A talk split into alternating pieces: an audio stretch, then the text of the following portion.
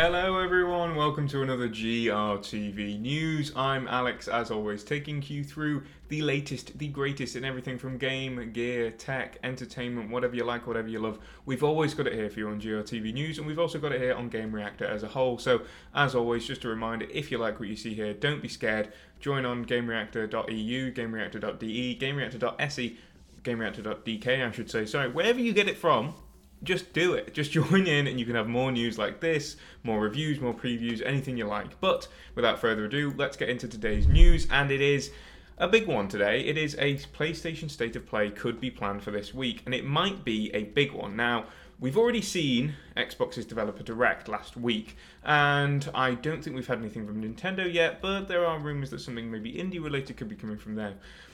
In any case, it's all about Sony here because it is being rumoured that they might might I want to say take your get your salt shakers out, guys, because this is only coming from an insider, and their claims aren't always best, but sometimes they are worth listening to, and because of those, sometimes they're worth listening to. We sort of listen to them a lot of the time. There's some big claims being made in this one on the 31st, roughly, which is this Wednesday. Ronins will rise, will die stranded, and yada yada yada have a rebirth, and Kojima will fulfill his dream. Sonic will live in the shadow of his generation, while the hills will remain silent until the dawn when you'll need to catch the metro. Just don't be a Judas about it. That might sound like absolute gobbledygook, but basically what it's it's referencing a lot of games that could be shown in a PlayStation State of Play.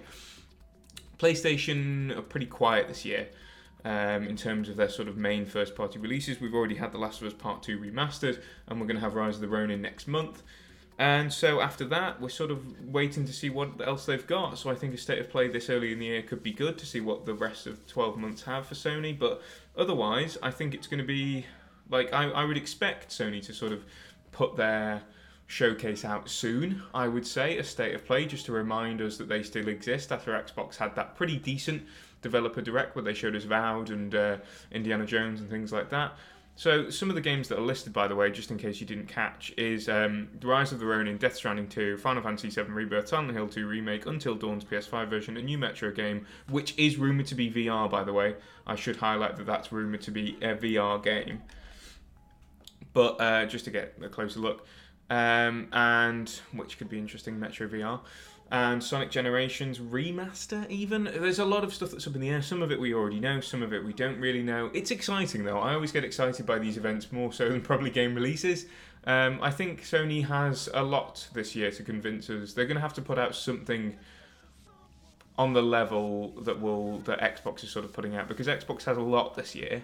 If by the sounds of it, so long as nothing, you know, fingers crossed gets delayed, but otherwise, I think, um, yeah, it'd be interesting to see what PlayStation can come up with because after sort of God of War 2022, Spider Man 2023, it feels like we've got a bit of a hole missing in terms of their first party big hits. The, again, The Last of Us Part 2, but that's a remaster, so that doesn't really count. What do you want to see from Sony in 2024? Let me know. Do you think this is going to happen? Do you think the State of Play is going to be? What do you think will be revealed at the State of Play, if anything? And if you've got any other thoughts, just hit me with them, as always, and I'll see you tomorrow for another news video. ta